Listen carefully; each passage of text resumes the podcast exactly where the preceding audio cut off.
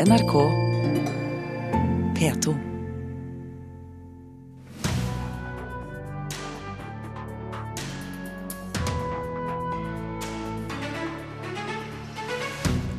Likestillingen kommer til kort i kulturskolene. Gutter og jenter velger fortsatt tradisjonelle gutte- og jenteinstrumenter.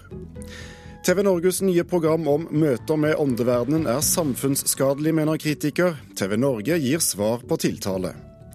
Komikere og talkshow-verter i USA har problemer med å forberede seg på ny president. For Donald Trump er altfor uforutsigbar, sier Conan O'Brien, som ledet Nobelkonserten i Oslo i går. Dette er Kulturnytt i Nyhetsmorgen. Mitt navn er Thomas Alvarstein Ove. Tanken om typiske jenteinstrumenter og gutteinstrumenter viser seg å fortsatt være i live ved landets kulturskoler. Ifølge tall fra de største kulturskolene i en rekke store byer rundt om i landet, er ni av ti fløyteelever jenter, mens ni av ti slagverkelever er gutter. Dette mener Musikernes felles organisasjon det må tas grep om, og får støtte av den unge fløytisten Mathias.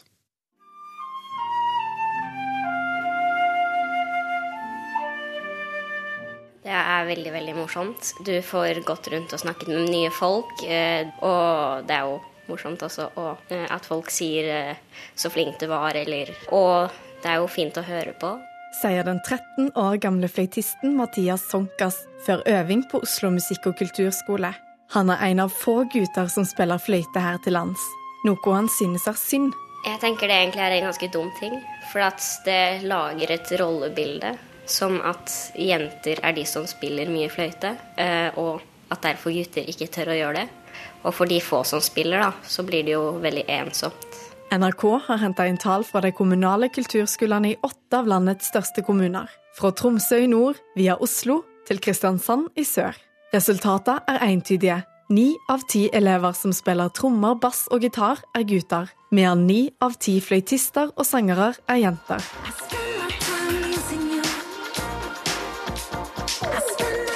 Nei, jeg skulle jo ønske at han kanskje var litt mer at jenter syns at bass er like kult som å spille, eller som å synge, da. Det sier Maja Vik, som er en av Norges mest profilerte bassister. Hun står også bak det som av Time Magazine ble kalt en av årets beste låter. Kanskje man kan være litt flinkere på kulturskoler rundt om, og kanskje noen som bør gå inn og si at ja, kanskje vi kan heller spille et annet instrument, som trommer, da. Maja Vik får støtte fra Musikernes fellesorganisasjon, MFO, som mener kjønnsfordelinga på instrument ikke kan holde fram slik. Det er jo en kjent problemstilling, noe vi har vært opptatt av i mange år. Og det må vi gjøre noe med. Sånn kan vi ikke ha det. Det sier Hans Ole Rian, leder i MFO. Han mener det betyr mye at disse skilnadene jevnes ut. Det har noe å si at vi får et bredere kulturliv, vi får andre uttrykk, vi får andre historier, og det trenger vi for å få et så rikt kulturliv som mulig. Rian mener tiltakene må inn i ung alder. De fleste begynner å spille et instrument ganske tidlig. Derfor må vi sette inn mest energi og krefter tidlig i løpet. Da er det i grunnskolen, og kanskje spesielt i kulturskolen, at vi må sette inn de sterkeste kreftene. Norsk kulturskoleråd, som er en landsomfattende organisasjon, har ikke noen overordnet strategi på dette området. De sier de ikke har fått noe signal på at kulturskolene etterlyser nasjonale tiltak, og viser til at tiltak for kjønnsfordeling per nå vil være opp til den enkelte kulturskole. Fra kulturskolens side så har vi registrert at det er sånn. Det sier Olav Kjøk, rektor ved Oslo musikk- og kulturskole.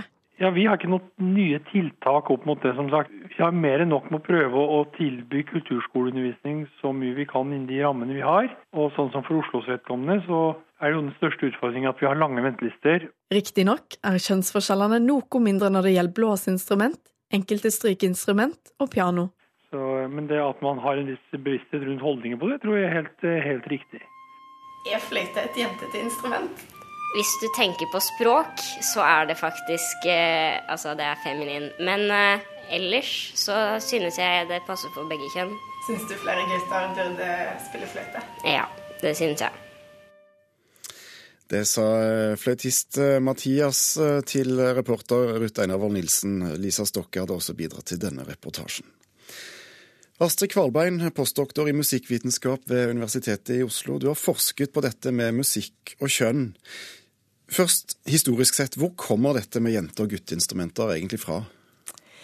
Nei, det er jo, For oss som jobber historisk med det, så er det jo interessant å se igjen da, hvordan eh, en musikk altså Helt overordna i samfunnet så har jo den private sfæren vært kvinnenes sfære. Og dermed har kvinner historisk sett også musisert, absolutt. Men eh, for 150 og enda lenger tilbake, så 150 år siden og lenger tilbake, så betydde det også at man da spilte instrumenter som passa i den private sfære. Man spilte fløyte, klaver, fløyte, mm. fiolin, Eh, noen steder var fiolin også til og med litt for vulgært, men alt det der har skifta litt. Men en sånn generell, generelt mønster er at man har, eh, kvinner har jobba med musikk som passer hjemme, og, og menn har jobba med musikk som er mer lydsterk. Det kunne være militærorkester, symfoniorkester ute i det offentlige rom. Eh, menn har også tatt grep om de nye teknologiene etter hvert som de har kommet, turnert de store apparatene, vært dirigenter, komponister. Etter hvert tatt grep om musikkteknologi i alle varianter. Hvorfor, Så det er generelle ja. mønsteret, og jeg syns det er veldig det er nesten litt sånn komisk å se at man kan legge en sånn statistikk fra kulturskolene fra norske barn i dag, og så kan man se at det mønsteret er der. Jentene spiller ja, fortsatt fløyte. Hva tror du gjør at det mønsteret går igjen selv i Norge i 2016? Nei, Det kan man jo spekulere i, og det skulle jeg gjerne sett mer forskning på. Men eh, jeg tenker fra én side sett skal man helt, se helt allment på barnekulturen. Den er veldig delt i rosa og blått og gutter og jenter, og at man blir veldig oppfordret til å velge seg én identitet som barn i dag. Og dette blir jo da forsterka i tenåra, tenker jeg, når du har en ny runde med å utvikle din identitet og hormonene og alt er i, i spill. Altså, det er det ene. Det andre er at jeg syns kulturlivet og musikklivet som del av kulturlivet har vært litt eh, defensivt på å ta grep om det. Du hørte jo her kulturskolerektorer, eh, Musikernes fellesorganisasjon, er litt mer offensive i måten de snakker på. Eh, men hvilke konkrete tiltak som gjøres, særlig mot barn og ungdom, det må jeg innrømme at jeg har til gode å se. Jeg vet ikke alt. Men mener du det bør komme tiltak? Er det et poeng i seg selv å jevne ut dette? Ja, det syns jeg, det jeg absolutt er. Fordi det handler om akkurat som han 13 år gamle gutten sier. Eh, indirekte føler jeg så handler det om at hvis, hvis, det er visse typer uttrykk du liksom ikke skal få lov til å drive med pga. kjønn, så blir du avgrensa i Musikk handler om å uttrykke seg. Eh, og hvis de lyseste registrene liksom skal være sensurert bort fra gutta, hvis gutter ikke skal synge i kor, så mister de noe veldig verdifullt. Og tilsvarende hvis jenter ikke skal få spille trommer og skrive musikk og produsere i studio og hva det er som er de barrierene som er igjen så er det en hel del ting man ikke får uttrykt. Og det vil jo til sjuende og sist gå utover kunsten og kulturlivet i det hele tatt. Så derfor er det viktig. Eh, og når det kommer til konkrete tiltak, så ser jeg at det, gjøres en del, og det kan gjøres mer, men det gjøres nå en del sånn i eh, student- og i bransjen og liksom blant de unge voksne. Eh, men jeg syns den effekten nedover, da altså Det fins flere kvinnelige jazzinstrumentalister, f.eks. Men jeg tror vi må få litt fart på at de som forbilder kommer rundt og viser at det går an å musisere ut fra helt andre mønstre enn vi ser i dag. Og dermed er utfordringen eh, sendt ut. Tusen takk skal du ha, Astrid Kvalbein ved Universitetet i Oslo.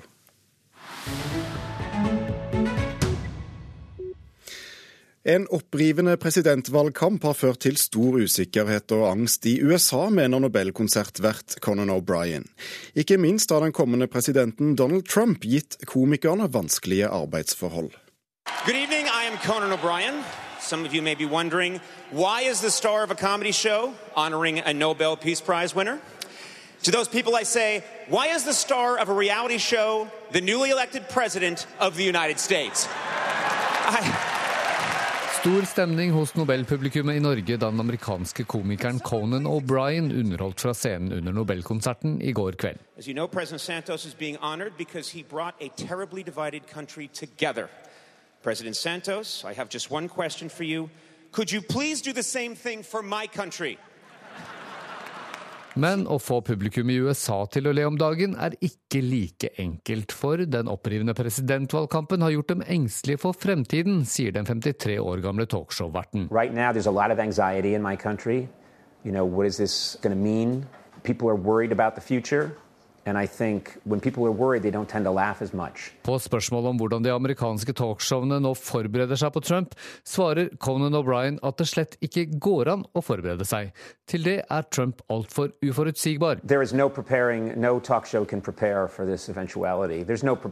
Uh, you, you just respond uh, day in and day out. And, and since the election, which is now about a month, um, every day we're finding our way. I was elected 25 days ago, and already unemployment is at a nine year low. Alec Baldwins parodier på Donald Trump fra Saturday Night Live har gått verden rundt de siste månedene. Parodier som den kommende presidenten i USA raskt har uttrykt misnøye med på Twitter i etterkant. This, a new president who's so different and no one knows what to expect and people have such strong feelings, you, you know, it, it, uh, people aren't sure how to react to a joke. So we're in that period right now, which can make it a little tricky in comedy. Likevel mener O'Brien at man ikke kan legge for stor vekt på misnøyen med Trump. Han er demokratisk valgt og må få sin sjanse, sier han. Dessuten mener han det blir feil å legge for stor vekt på hvilken rolle komikerne og andre kunstnere kan spille de neste fire årene. At its best, a comedy is simply a way that people connect. I don't know that it has a big grand role in the scheme of things. Reportere her det var Ingunn Mikkelsen og Petter Sommer. Torgeir Møyre, du er anmelder i Dagbladet og fulgte nøye med på eh, Nobelkonserten i går. Hvordan fungerte Conan O'Briens eh, Trump-vitsing eh, under Nobelkonserten? Ja, han stuper jo rett i det. Jeg tror ikke det tok mer enn 20 sekunder før han begynte å vitse om Trump. Jeg syns det fungerte forholdsvis greit. Conan hadde en fin måte å lede prisen på, samtidig skape litt varme og litt eh, humor inni det som gjerne er et litt eh, alvorlig show. Så det ble ikke upassende i, i en sånn setting, dette? Nei, jeg syns vi må ha litt tak i det. Fra Nobelkonserten. Spøk til side, Nobelkonserten handler jo mest om fredsprisvinneren og musikk. La oss høre på dette. Perhaps this final act was meant to clinch our lifetime's arguments that nothing come from violence and nothing ever could. For all those born beneath an angry star, lest we forget how fragile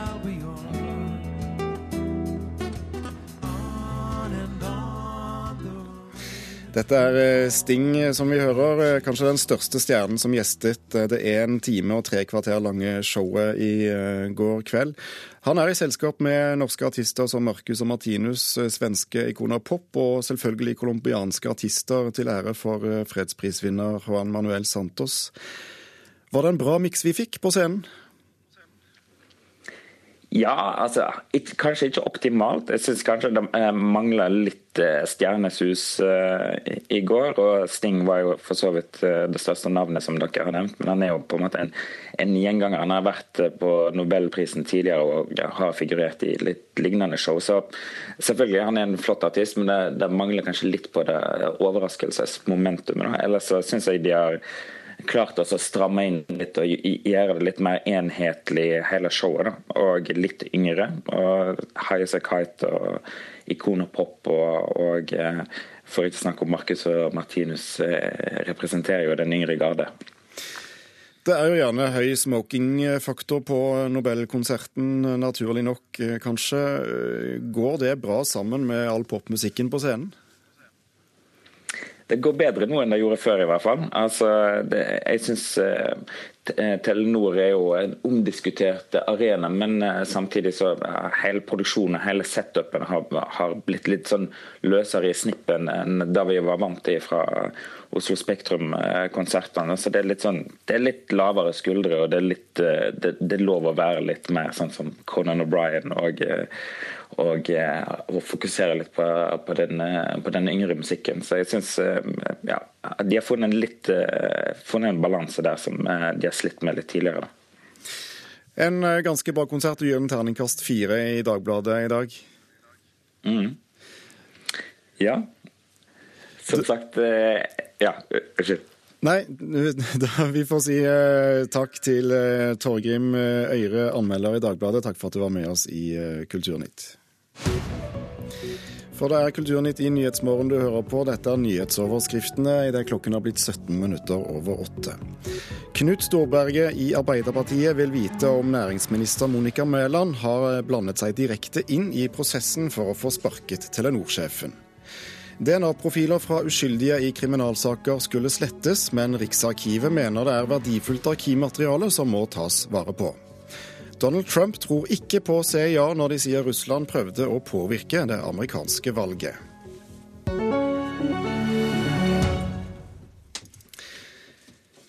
Mange mener det finnes mer mellom himmel og jord eh, enn vi kan se. Mange er også skeptiske til om det finnes en åndeverden, og, og om det er mulig å få kontakt med dem.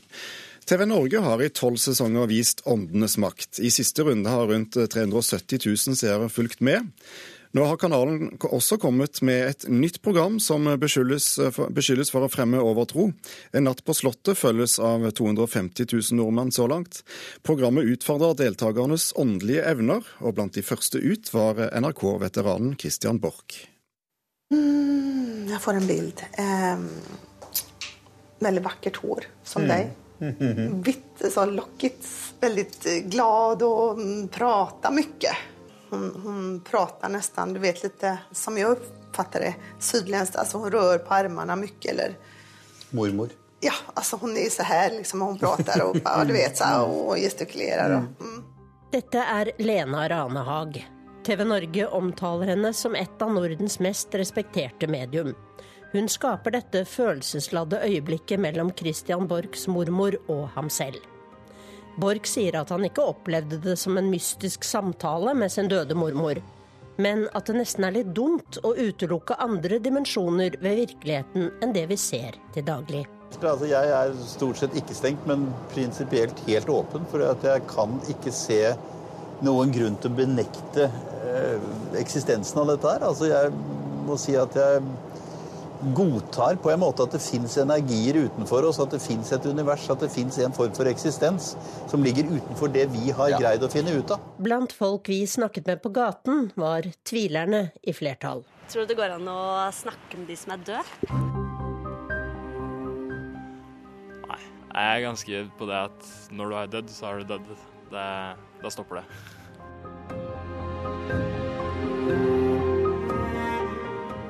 Jeg kan ikke vite det. Jeg skal ikke liksom si noe bestemt, men jeg er ganske sikker på at jeg ikke gjør det. Jeg tror ikke på at man kan snakke med det der. Nei, er man død, så er man død. Nei, jeg er ikke overtroisk, så jeg tror ikke det. Jeg vet ikke helt om man kan snakke med det, da, men eh, Da jeg var liten, var jeg veldig redd for å se pappa sin mor, som jeg aldri har møtt før, i gangen i feriehuset vårt.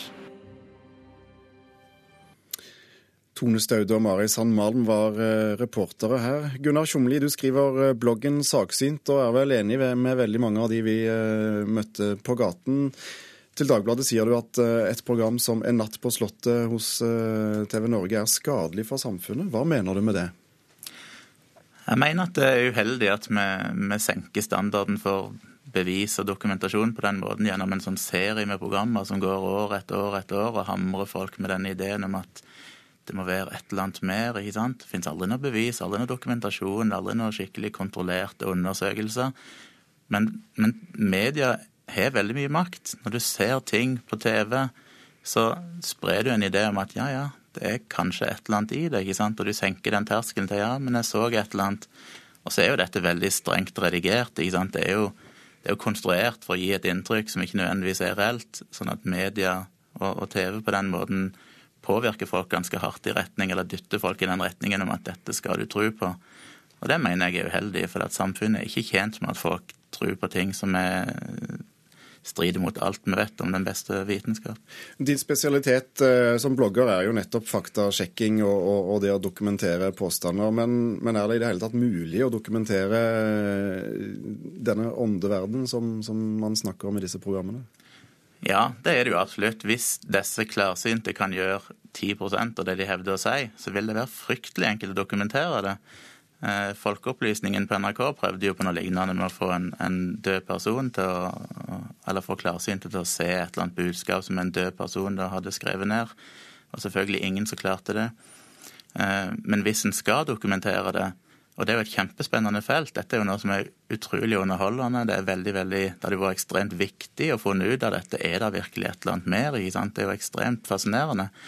Men la ikke da gjøre det med noen som faktisk vet hva de driver med, og ikke en som Lena Ranehag, som bruker alle triks i boka. Du sitter og ser på det, så bare gremmes du hvis du kjenner til cold reading og alt dette, for det er så gjennomskuelig.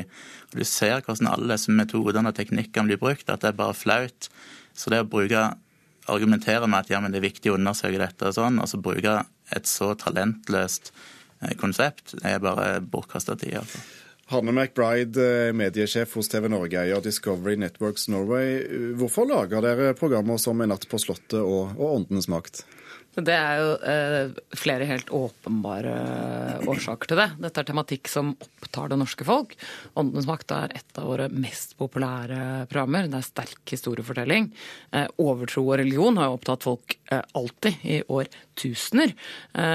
Og jeg synes også, hvis du ser på En natt på Slottet, så er det jo også interessant å høre hva altså hvilket forhold kjente mennesker har til det åndelige. Det var nok kanskje flere som ble overrasket av eh, de tingene Christian Borch snakker om her. Men det er også, eh, ikke for meg spesielt overraskende, at eh, det ikke bare er eh, damer i batikk med skeivt hår eh, som sitter og er fans av dette her programmet, men det er noe som er ganske sånn gjengs i samfunnet å ha en søken etter det. Ja, for Hva slags respons får dere fra publikum? Nei, og Det er jo eh, veldig variert. Uh, naturlig nok så er våre egne kanaler for dette her, der hører vi om flest, uh, mest fra fansen. Så, men vi hører jo også fra folk som er enig med Tjomli og mener dette bare er tullball. Vi syns at det er gledelig at denne tematikken engasjerer, for vi har jo ikke som formål verken å bevise spøkelsers eksistens eller drive forkynnelse eller løpe alternativbevegelsens ærend her. Vi lager TV-underholdning, vi stiller spørsmålene, vi skaper denne debatten.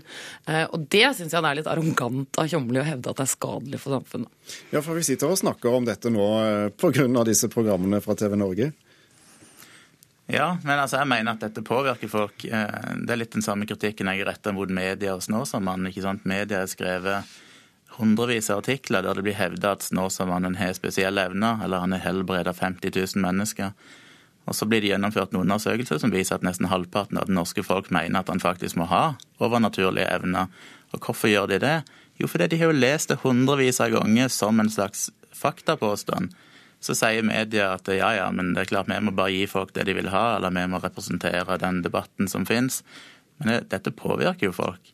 Og, så er det like mye det at det snakkes om, som det at det er, blir presentert som, som underholdningsprogram? Det, det, er veldig mange ting jeg kan ta opp med dette, men, men jeg vil jo si at dette er, jeg syns dette er et veldig fascinerende tema. Det er jo utrolig interessant å finne ut om det er noe mer og alt dette her. Men jeg skulle bare ønske at det ble gjort på en skikkelig måte. At en faktisk ønsker å utfordre det. Eh, og når en har et sånt program som dette Men det er jo mange programmer som gjør nettopp det. Nei, det er ikke mange Folkeopplysningen er ett eksempel på det. Vi har aldri hevdet at dette er den eneste sannhet, verken i Åndenes makt eller i En natt på Slottet. Hver eneste episode av Åndenes makt så presenteres dette som én mulig løsning på uforklarlige hendelser, som ingen i vitenskapen har kommet inn og sagt at det som har skjedd her, er A, B eller C. Eh, en natt på Slottet, samtlige av de kjendisene som er med og snakker om, deres forhold til åndelighet, de får jo en spik direkte i kamera etterpå på, hvor de sitter og sier hva de opplever eh, ved eh, det Lena Ranhag har fortalt dem, som, eh, som, er en opplevelse. Hvilke ting de faktisk mener at hun har truffet på, hvilket hun ikke har truffet på. Vi presenterer jo aldri dette her som en sannhet. Slik er det. Altså, Jeg må skru av P1 hver morgen fordi da kommer andakten på, som jo er ren forkynnelse. Dette vi driver med på TV Norge med Åndenes makt og Natt på Slottet, det er ikke det. det er Jeg syns det er veldig uredelig å si det òg, for dette er jo så strengt redigert. Når du sitter og ser på det, og ser hvordan kamera følger alle personer eh, etterpå, etter de har lagt på stemmen til hun Lena, sånn at kameraet understreker det hun sier, selv om hun har aldri sagt det som kameraet viser. Men du, jeg, kan, jeg, jeg vil bare avbryte, fordi Hadde vi laget En natt på Slottet minutt for minutt, eller Åndenes makt minutt for mm. minutt, så er det mange ting vi hadde måttet redigere bort av eh, altså sånn privat- og personvernhensyn som går så langt utover det vi kan presentere på TV. Det blir min uh, tur til å avbryte, for vår uh, tilmålte tid er ute. Debatten fortsetter. Takk skal dere ha, Gunnar Tjomli og Hanne McBride. Takk. Vi skal til en sjelden stor samling norsk tekstilkunst som vises nå ved Nordenfjelske kunstindustrimuseum i Trondheim. Tekstilkunst er i vinden som aldri før, noe de merker godt. Gallerier fra hele verden ønsker å låne verker fra museets samlinger. Det er fiberfeber, noe som også er navnet på utstillingen som, rett, eh, som åpnet rett før helgen. Ja, det koster mye å se billig ut, ja, men det blonde hår og Ja, det sier ja. dårlige Parton sjøl, mm. at det, det, koster mye å se billig ut. Vi står ved siden av en noe utradisjonell tekstilkunst som fascinerer både kurator Randi Lium og særlig direktør ved Nordenfjelske kunstindustrimuseum, Åshild Atsen. Det Elisabeth Haarr gjør, er å bruke billige eller syntetiske materialer, som vi ofte kanskje forbinder med mm. Dolly Parton og hennes store parykker. Så her er den kjolen er vevd i plast. Og når vi også hengt det her, så er det jo den derre dobbeltheten med kvinner, vet du. Ludder, Madonna. Den dydige og den vulgære. Det er knapt noen gang vist en så stor samling norsk tekstilkunst i en og samme utstilling, og nær alle de hundre kunstverkene er fra museets egen samling. Her er teppet laga for mer enn 400 år siden, men også noe helt nytt. Dette er Mors tårer, som er kjøpt inn i år av eh, kunstneren Ingrun O. Myrland. Og det er jo, hvis jeg skal beskrive verket, så er det jo noen tunge former som ligner på noen sånn brystholdere, med noen sånn strømpeholdestropper som holder det. Det henger fra taket. Eh, og så er de fylt med puffa ris. Og det, det er jo mye man kan assosiere rundt det her verket. Det er sånn uh, hudfarge i det. Uh, og vi tenker at det her kan jo være litt spennende å stille ut, for uh, det frister veldig til å ta på det taktilt verk. Museet er særlig stolt over Hanna Ryggens tepper, som stadig må pakkes og sendes til gallerier i alle kontinenter. Hun blir jo ofte betraktet sånn som på høyde med Edvard Munch, og i utlandet på en utstilling i Amerika kalte jeg henne for vevkunsten Michelangelo. Så er basisen for den tekstilsatsingen vi har ellers. Det er Hanna Ryggen. Hanna Ryggens teppe 'Vi lever på en stjerne' ble skada da bomben smalt i regjeringskvartalet 22.07. Det er deponert her ved museet så lenge, når publikum setter pris på Blant dem Hallgerd Sur Brobakke. Jeg er råimponert over hvor fint det var blitt når de har restaurert det. Og så tenke på den tida det egentlig tar å veve, og så aktuell som man var hele tida. Det hang jo i høyblokka, nå vet vi jo ikke hvilken skjebne den har. Så er vi heldige, blir det hengende her for alltid. Men det er jo det norske stat, regjeringsbygget, som eide det. Men det er også litt av Ja, vi sendte Trondheim, tekstilbyen Trondheim. Ja, Det sa til slutt eh, Randi Liem, kurator ved Nordenfjelske kunstindustrimuseum i Trondheim. Og Utstillingen Fiberfeber den står til 19. Eh, mars. Reporter var Grete Tobro. Du har hørt i denne sendingen at gutter og jenter fortsatt velger tradisjonelt i kulturskolen. Flere etterlyser nå tiltak for å løse opp i mønsteret. Tone Staude var produsent. Her i studio satt Thomas Alvarstein Ove. Hør flere podkaster på nrk.no podkast.